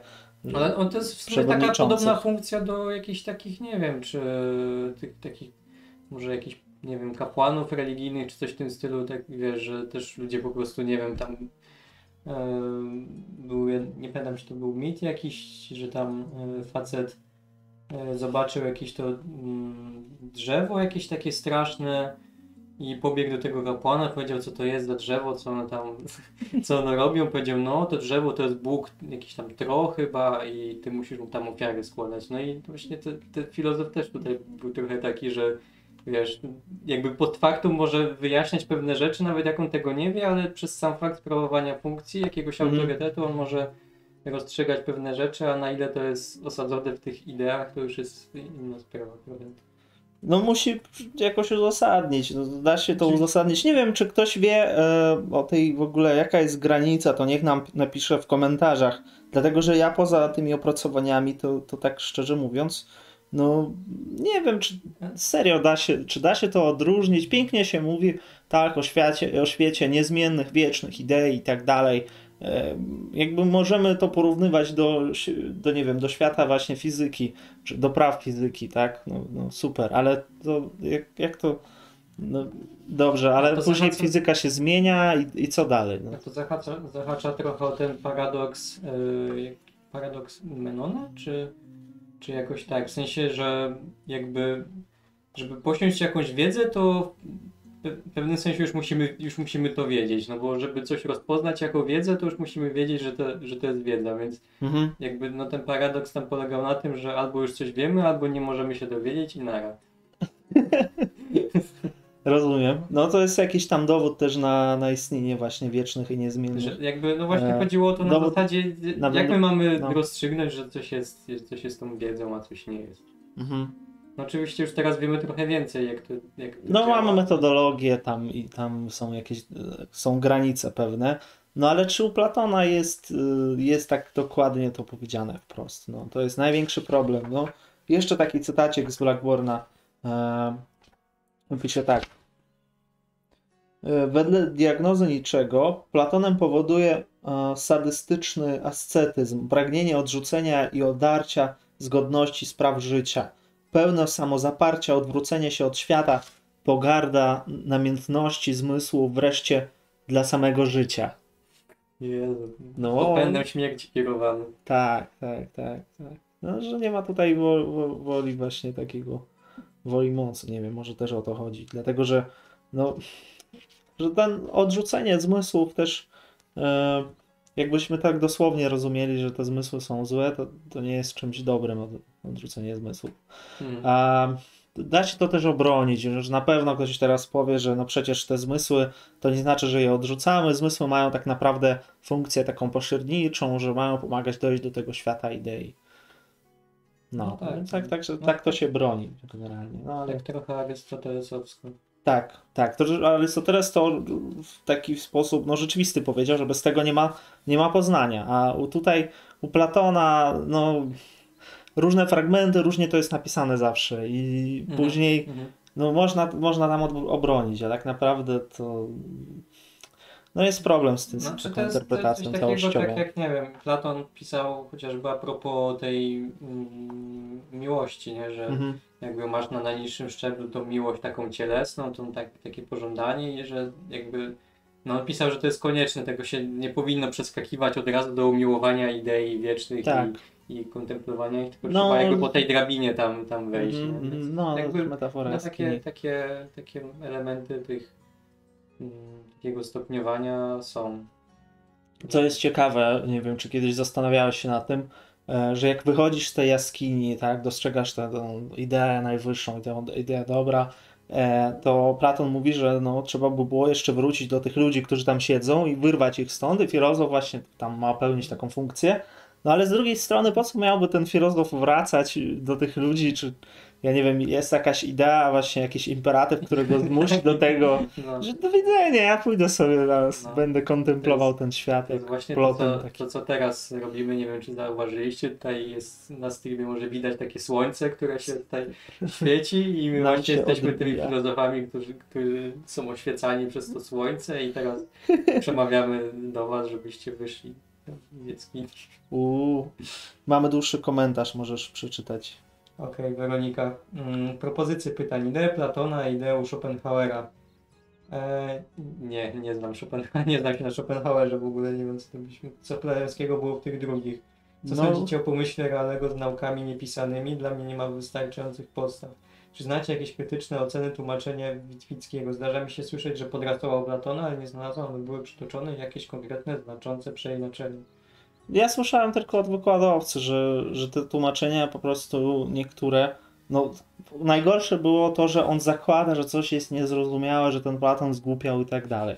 Tak naprawdę, jak się, jak się No, takie rzeczy zakłada, Słaba to, postawa wyjściowa. No. tak, to, że- no i później nie, jakby nie, nie jesteś zobowiązany do tłumaczenia tego poprawnie. Możesz to tłumaczyć, jak ci się wydaje. E, znaczy, No, przy czym jakby no plus za to, że jest przynajmniej szczery, że tego Tak. nie ukrywa, nie? Tak, tak, Niektórzy te ukrywają, później się dowiadujesz jakoś nie wiadomo skąd, że ten, że ten filozof to w ogóle go nie lubił i coś tam, nie? I Mhm. później jakby, no tutaj przynajmniej wiesz z góry, że to jest jakby takie, No Chyba są tłumaczenia jakieś e, tego, jak on się nazywał, Legutka, tak? Chyba, chyba on coś tam tłumaczył, nie wiem, to, to może ktoś w komentarzach napisze, e, jak to wygląda z tymi tłumaczeniami. mhm. Czy są jakieś lepsze na przykład. hej Monik, Mo, Moni, Monikia, Hej Monikiaw, tak. Witamy Cię na streamie. E, Drugie pytanie było, bo mnie tutaj zniknęło gdzieś. Co, co sądzicie o pomyśle z naukami niepisanymi u Realego? A, no właśnie, co, co sądzimy? No ja sądzę, że, że to jest właśnie propaganda platońska.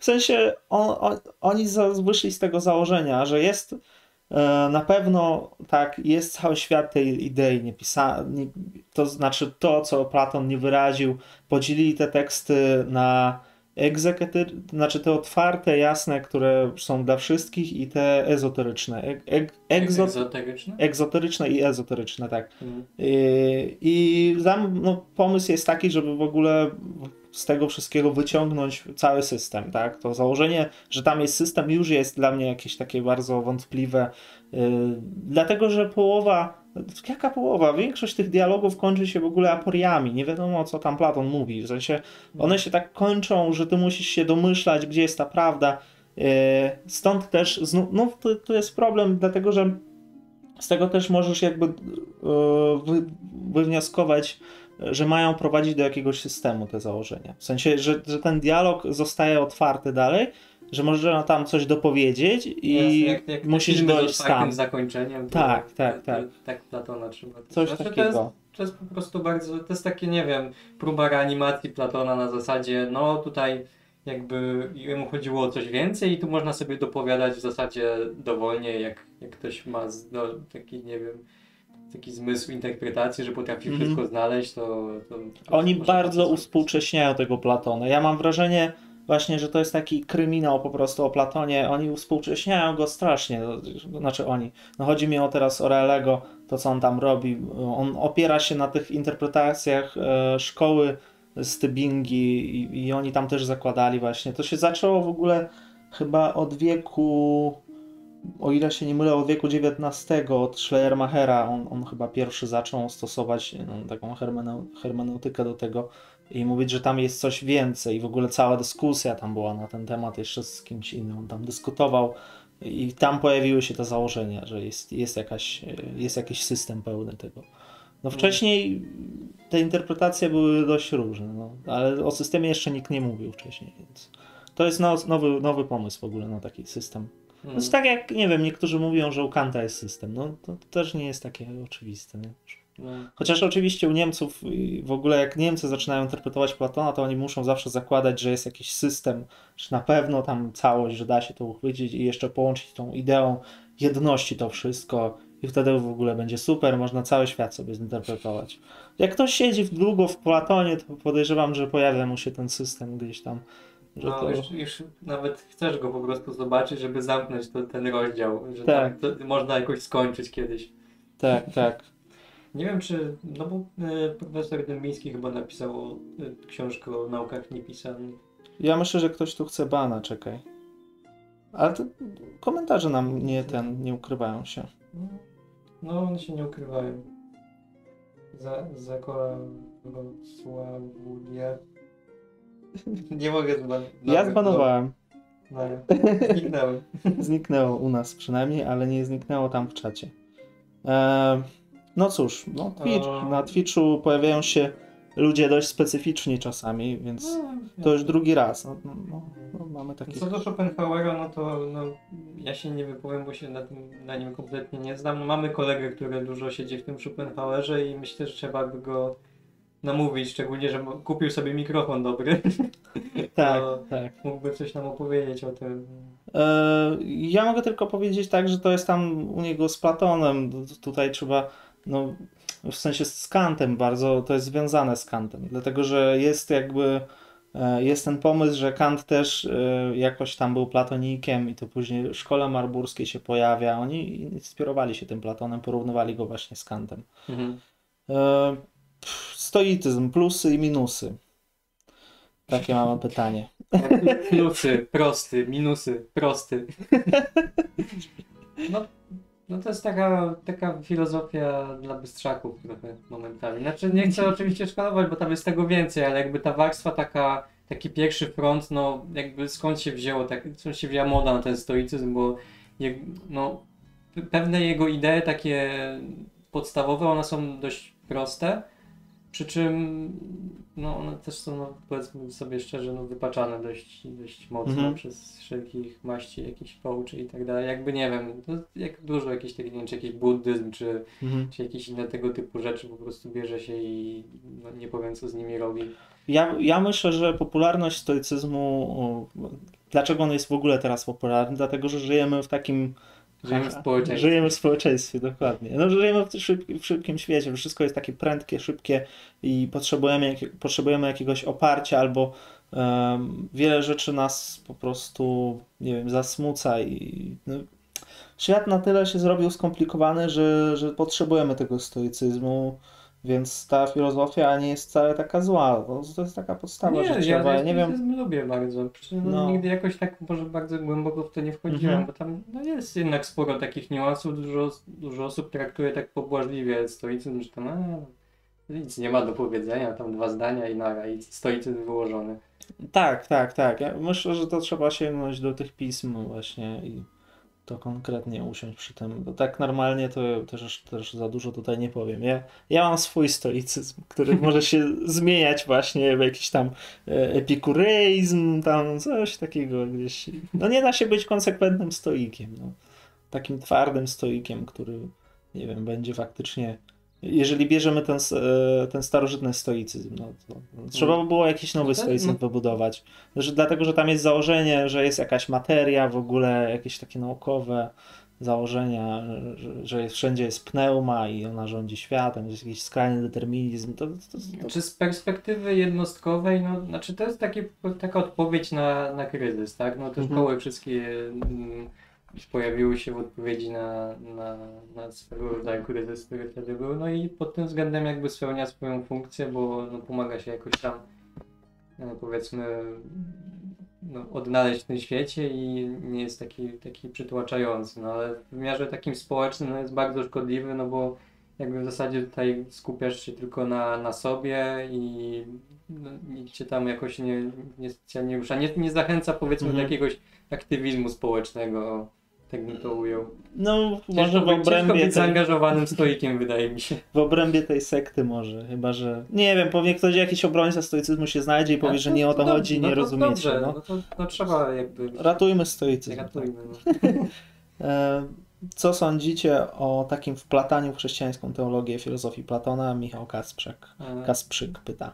No, wiadomo, no jak wiele rzeczy, które chrześcijaństwo platało, no robiło to po to, żeby jakoś jakoś się no, zakorzenić w tym, co już było, żeby nadać sobie pewnej, jakby to powiedzieć, jakiejś takiej ważności, że, Naukowości. Że, że, to, że to już tam, że to już było tak naprawdę i my to tylko teraz lepiej Tak. zrobimy, że, że tam ten Bóg to no trochę tam, trochę tam się pomylił ten Platon, ale w sumie no tak faktycznie tam stworzył świat, tak? I, ale to nie chodzi o to, że on, no, on ma jednak tą moc, on z No niczego, no wiesz. Były pomysły, że, że, że Platon w ogóle jakimś prorokiem tam jest, czy Sokrates. E, Ja, ja sądzę, że no, oni to przyjęli, dlatego że to było też wygodne dla nich. Między innymi dzięki temu też zachowało się, więc trzeba im No, o, oddać ten Inaczej- hołd, inaczej że oni dało. zachowali po prostu, zachowali te teksty platońskie. E, Mnisi tam, skryb, skryb, skrybowie, czy jakąś tam nazywali, przechowywali te teksty później i dzięki nim to, to zostało w ogóle. Więc e, no, na, na pewnym. O, mucha chodzi. nie chodzi obok idei dobra. Tak. Na pewnym etapie tam jakby no, było takie powiedzmy, no miałeś ten neoplatonizm po prostu, taki chrześcijański neoplatonizm powiedzmy Mhm. i ten już taki może nam bardziej jakiś taki bliski i no one się na pewnym etapie jakby zwalczały, no i ten, ten, ten neoplatonizm po prostu przegrał, no bo, no bo był zbyt taki elitarny, nie? Mhm. Jakby w tym sensie, że no jak masz jak, jakieś tam idee i tak dalej, że do czegoś tutaj trzeba dążyć, nie wiem, tak jak Plutyna, tam musisz się wznosić ku tej jedni, jakby to jest zbyt wymagające, a, a ten, mm, no, a chrześcijaństwo jakby takie bardziej, bardziej nam bliskie jednak jest bardzo egalitarne w tym sensie, że każdy może, każdy może doznać zbawienia, każdy może, jakby tam nie, nie trzeba się jakoś wysi- być jakimś, nie wiem, intelektualnie Mhm. się wysilać, tylko, nie wiem, aktem wiary, wiesz, yy, aktem wiary już robisz co trzeba. Tak sobie zapracowujesz i pod tym względem, no, No było to nie- nieuniknione też poniekąd. My- Wydaje mi się, że chodziło o przyjęcie też e, rzeczy nau- nauki jakiejś, żeby ta nauka była spójna e, z tym dogmatem No, też. tak wiary. samo, to wiem, to no. musi, musiało zostać trzeba, połączone. trzeba jakoś po prostu wpisać w własną tradycję to, co już było, żeby. Mhm. No bo nie wiem, z, z mitami też był taki problem, że no ich się nie dało. Jakby na początku próbowali jakby je wykorzenić, zwalczyć po prostu. To Mhm. są głupoty, zabobony, Tak, tak, jest- idźcie z tym w cholerę. No ale okazało się, że się nie da, bo to jakoś za mocno się ludzie tego trzymają, no nie da się wszystkich zabić. No i co, no i pozostało jakoś tam, no one były generalnie jakoś tak zakazywane i w ogóle, Mhm. ale w pewnym momencie stwierdzili, że to chyba nie jest dobry pomysł, no i jakoś tak można było obcować z tymi mitami, ale na zasadzie takiej bardziej, nie wiem, to było jak wyznaczenie takiego rezerwatu dla mitów, Mhm. że tutaj, nie wiem, tam w sferze na przykład artystycznej, okej, niech sobie będzie coś tam, nie? Tak, No i tak, tak. tak w zasadzie z wieloma rzeczami jest, to nie wiem. No, No ale bo uznać, że jest przejście, no tak jest najprościej, że jest przejście od mitu do religii i wtedy masz uporządkowaną jakąś tak, tam strukturę. ewolucja, No, postęp, tak. postęp jakiś. Mamy więcej tutaj komentarzy teraz. Mhm. Przyjemnie was się słucha, świetnie was się słucha w niedzielny wieczór. Dziękujemy, Dziękujemy. Agnieszko. Adam Mazur pisze, kiedy i w jaki sposób demokracja prowadzi do populizmu? Tak jakbyśmy stwierdzili, że prowadzi do populizmu teraz. Kiedy i w jaki sposób? Jak się degeneruje. Albo jak jest za mało demokracji. Jak jest za mało demokracji? No, no, znaczy, ja myślę, że prowadzi do populizmu i w obecnych czasach mocno prowadzi do populizmu, bo jak chcesz w ogóle jakąś władzę zdobyć, to musisz mówić to, co ludzie chcą usłyszeć. Więc mamy tutaj świetne przykłady jakiegoś takiego hołowni, który mówi to, co chcą usłyszeć trochę, trzyma się tam trochę tego, tych konserwatywnych postulatów, z drugiej strony niby jest czymś innym, tam gdzieś Ale- pomiędzy, no bo to jest taki no, tak, populistyczny. no bo on wyznaje taką, wiesz, taką etykę właśnie braku cierpienia i jakby pod tym względem to, co się teraz dzieje mu nie pasuje, no bo jakby to rodzi dużo cierpienia, jakichś niepokojów, on Mhm. chce wszystkich pogodzić, żebyśmy się trzymali za rączki, było dobrze. Tak, Dogad- że nie będzie, nie, może się nie dogadamy, ale żeby, żebyśmy mieli tą płaszczyznę jakiegoś porozumienia, dialogu. No i no to się też trochę kłóci z innymi poglądami, które też wyznaje, więc no, to są skomplikowane rzeczy. No w taki sposób prowadzi, a dlaczego miałoby nie prowadzić? A, a w ogóle, no, wydaje mi się, że no, gdybyśmy wzięli przeciwieństwo właśnie, jakąś elitokrację albo jeszcze gorzej totalitaryzm, to przecież tam też jest populizm. No, że populizm jest zjawiskiem takim, on wszędzie, wszędzie może być populizm. To nie znaczy, że populizm jest zawsze zły, dlatego że populizm potrafi łączyć ludzi. No, tutaj można i dobre i złe cechy wymieniać populizmu. Populizm łączy ludzi. Głupio to brzmi, ale coś, Ale coś w tym jest. ale jest tak, że, że po prostu te populistyczne postulaty e, no, służą jakiejś tam idei, wiem, wyższej idei czasami. No, znaczy, wiesz co, bo też dużo jakby działań, nie wiem, nie wiem, przykład 500 plus, nie, że o, populizm, tam kiełbasa wyborcza, coś tam, coś tam, no ale jak sobie weźmiesz tam z perspektywy jakiejś takiej socjalistycznej czy coś, no Mhm. to jakby jak to ubierzesz już ładniej jakoś, nagle się okazuje, że to nie jest populizm, tylko to Tak. jest, wiesz, coś. Nagle się okazuje, że tutaj lewacy znaleźli swojego reprezentanta Kaczyńskiego. Kaczyński tłumaczy filozofię. Część 14. E, no, możesz przeczytać w sumie to Mm. dalej. tam. Weronika, nieprawda, że społecznie szkodliwy, chodzi o stoicyzm. Znaczy zależy jaki, ale na przykład u Epikteta jest bardzo dużo wątków mówiących o obowiązkach względem społeczeństwa i krytykował, że Epikurejczycy się dla własnej wygody izolują. No, no w zasadzie tak, znaczy ja się mocno jako nie trzymam tych, tych takich poglądów, to, bo to jest takie popularne, jak ja mówię o tym bardziej takim tym wyglądzie stoicyzmu, który się przyjął jakoś tak powszechnie. Jakby mało kto, nie zna prawie osób, które jakoś by potrafiły połączyć stoicyzm z jakimś, nie wiem, e, obowiązkiem względem społeczeństwa. To, to ludzie w ogóle nie w tą stronę idą.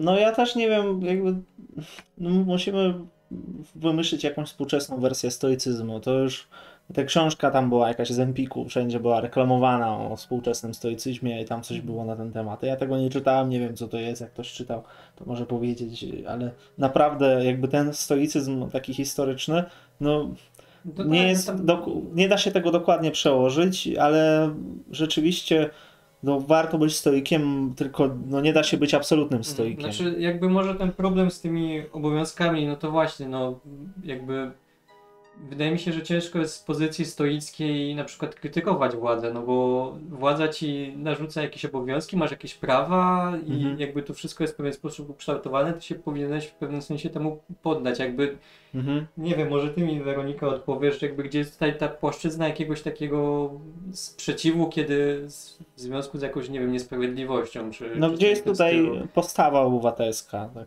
jeszcze Jakby no tutaj że- postawa obywatelska sprowadza się do jakby czynienia tego, co do ciebie należy No. ze względu na rolę, jaką ci, nie wiem, przypisano, czy, czy jako ci została narzucona No tak. jak przez, nie wiem, jakieś czynniki zewnętrzne. Tak, tak, tak. Więc no, może się to da jakoś obronić, ale, ale ja nie wiem. Czy nic nie piszą chyba? No. Krytykował. Epikurejczycy się izolują. Ale epikurejczycy się razem spotykali w ogrodach i jedli ser. I słuchali epikura. Słuchaj, Epikura, dobra. Jak ni- nikt nic nie pisze, to jeszcze jeden cytacik przeczytam tutaj, który mi się spodobał. Em, o liczbie już było. Coś jeszcze, coś jeszcze. Albo nie, albo nie przeczytam. Że tak jak powiedziałem, wszędzie tutaj u Platona są takie luki, które mogą być różnie właśnie zinterpretowane. Że w ogóle jest dość problematyczny pod tym względem, że, że nie możemy wybudować e, całego systemu. Szkoda, że nie zrobiliśmy wydarzenia, bo miałem grafikę przygotowaną fajną Ach, Platonem. No, tyle czasu w Photoshopie spędziłem nad tym. tak? No to może jeszcze nie, będzie. No, 20 minut. To może jeszcze coś będzie. No. Nie wiem, co w sumie jeszcze można powiedzieć. No, No. no. oczywiście można dużo mówić, ale jakby no, nie ma co też ludzi zanudzać, jakby Tak, tak. wiele rzeczy się można zanudzać. dowiedzieć. Jakby takich takich podstaw Platona, no to już jest po prostu wszędzie pełno. No to Tak, za, nie, ma, nie ma co na to za bardzo wchodzić, bo e, znaczy to, to jest tak, że, że po prostu każdy sobie tłumaczy tego Platona, ale nikt nie wchodzi tam jakoś głębiej właśnie, tak jak ten Parmenides to się pojawił. E, ten dialog to, jest, to są wyżyny platońskiej myśli w ogóle.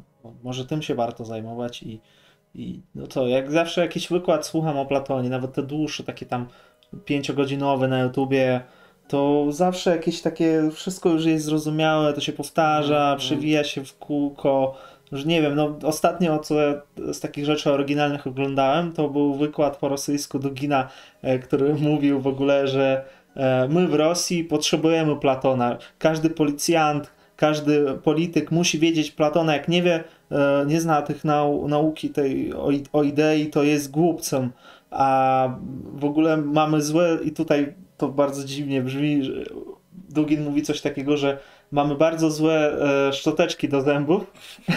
Te rosyjskie nasze są złe. Tak, a te zachodnie są lepsze, dlatego że Zachód bardziej się wzoruje na Platonie niż my, więc potrzebujemy Platona. I tak kończy twój referat. Po prostu wow. Odlot. No, E, komentarz mamy. z grupki. Tak. Macie rację, ten stoicyzm nigdy nie był kompletnym stoicyzmem. To jest paradoks tej doktryny, Weronika ma tutaj słuszność, istniały takie założenia, później stoję. W praktyce niestety to wszystko palcem na wodzie. No, w sensie, no tak. No. Stoicyzm został na, zaorany na Stoi- streamie. Stoicyzm palcem na wodzie. No. No. Ale to... Pewnie gdyby, te, gdyby filozofia była prostsza, to wszystko by tak wyglądało. Po prostu byłoby tak zniszczone przez ten mainstream, że nikt by nie chciał tej filozofii już uprawiać, bo by było wstyd. Wiesz, ty byś tam, nie wiem, siedział na przykład w tym kancie i ty tam, a Mhm. ja też jestem kantystą, mam tutaj swój imperatywek. No nie da się może być y, jakimś zwolennikiem y, jednej filozofii, powiedzmy, dlatego że jak na uczelniach masz e, przedstawiane, no na uniwersytecie masz przez, od razu tą historię, masz od razu wszystkie koncepcje, codziennie jakaś nowa koncepcja, masz tego za dużo i później widzisz, masz taki wgląd, że rzeczywiście każda doktryna, każda myśl filozoficzna, no ma właśnie te dwa końce, dobry, zły i i możesz, możesz jakby próbować, nie wiem, nie da się chyba jednej się trzymać. No. W epistemologii tam powiedzmy przejmujemy jakąś metodologię, albo trzymamy się jakiejś konkretnej epistemologii, nie wiem, Tomasza z Akwinu na przykład. No, nie, no to są W jakieś etyce takie, też co innego to są przyjmujemy. takie drogowskazy bardziej, jeżeli mówimy o takiej praktyce Tak. życiowej, powiedzmy. No co, nie wiem, zaczynasz się palić, no to nie wiem, to się tym nie przejmujesz, bo jesteś stoikiem, nie? No. Głowę, muchę na głowie, czy co, bo tak się Przez popatrzyłem. chwilę była tak. Boże, Boże. wiedziałem, że będzie nam To jest, to jest ten, ten dusza platońska. Platon wcielił się w tą muchę i i teraz nas tutaj prześladuje właśnie obok idei dobra na szafie. Dobra. Yy, powiedzcie nam, czy tam w ogóle nie wiem, jak się na... No nie wiem, jak, jak macie jeszcze jakieś pytania, Tak. to dawajcie, jak nie, to będziemy no, kończyć zaraz, będziemy bo kończyć. Już się, już się wystrzelaliśmy tak szybciutko. No to szybko jak szybko, to siedzimy półtorej godziny. To, to, to miał być taki ten ideał właśnie, że siedzimy półtorej godziny i jest idealnie i do Tak. widzenia. To się zawsze przeciąga, jakby, Tak. jakby te przeciągnięcie już się stało takim standardem. I teraz jak chcemy skończyć o czasie, to jest takie, e, coś za krótko. No, no. No jak nie, to, to będziemy się zwijać. No. No, Powiedzcie, co w ogóle myślicie o takich streamach e, na szybko. Znaczy, no, nie wiem. jak na szybko. No Na generalnie szybko. no, chcieliśmy też robić takie na szybko, na szybko faktycznie. Bo- bo są oczywiście- Godzin, stream w godzinę. Są oczywiście takie czytania, e, tam już bardziej jakby trzeba się skupiać na tekście, że no nie wiem, inaczej to wygląda też.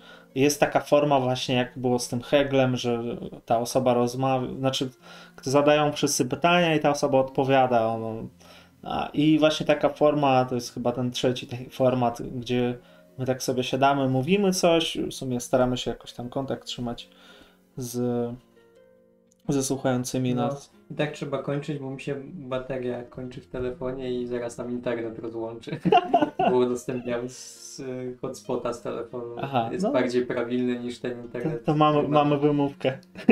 Sorry, zaraz internet nam odetnie. Dobra, to dziękujemy, że nas No, słuchaliście. dzięki, że słuchaliście, dzięki za komentarze wszystkie, dziękujemy za donate'a.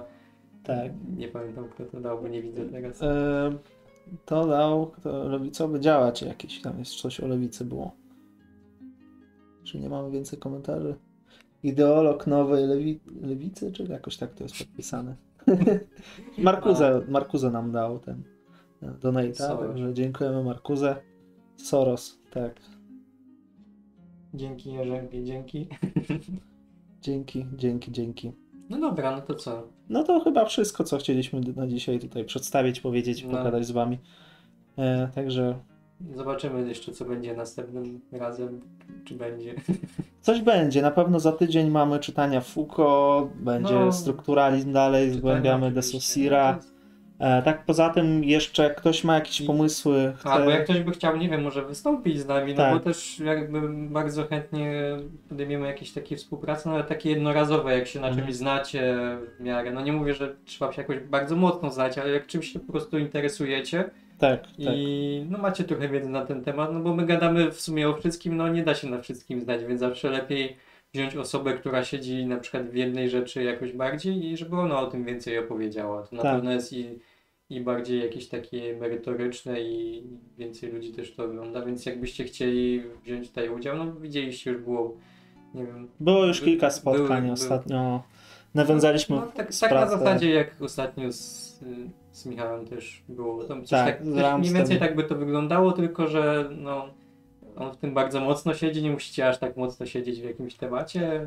Znaczy też To może fajnie- być nawet na zasadzie, nie wiem, że po prostu chcecie sobie o tym pogadać, a nie musicie się znać, bo we Mhm. trójkę też więcej można wy, wydłułać jakichś Tak, jakichś ciekawych rzeczy.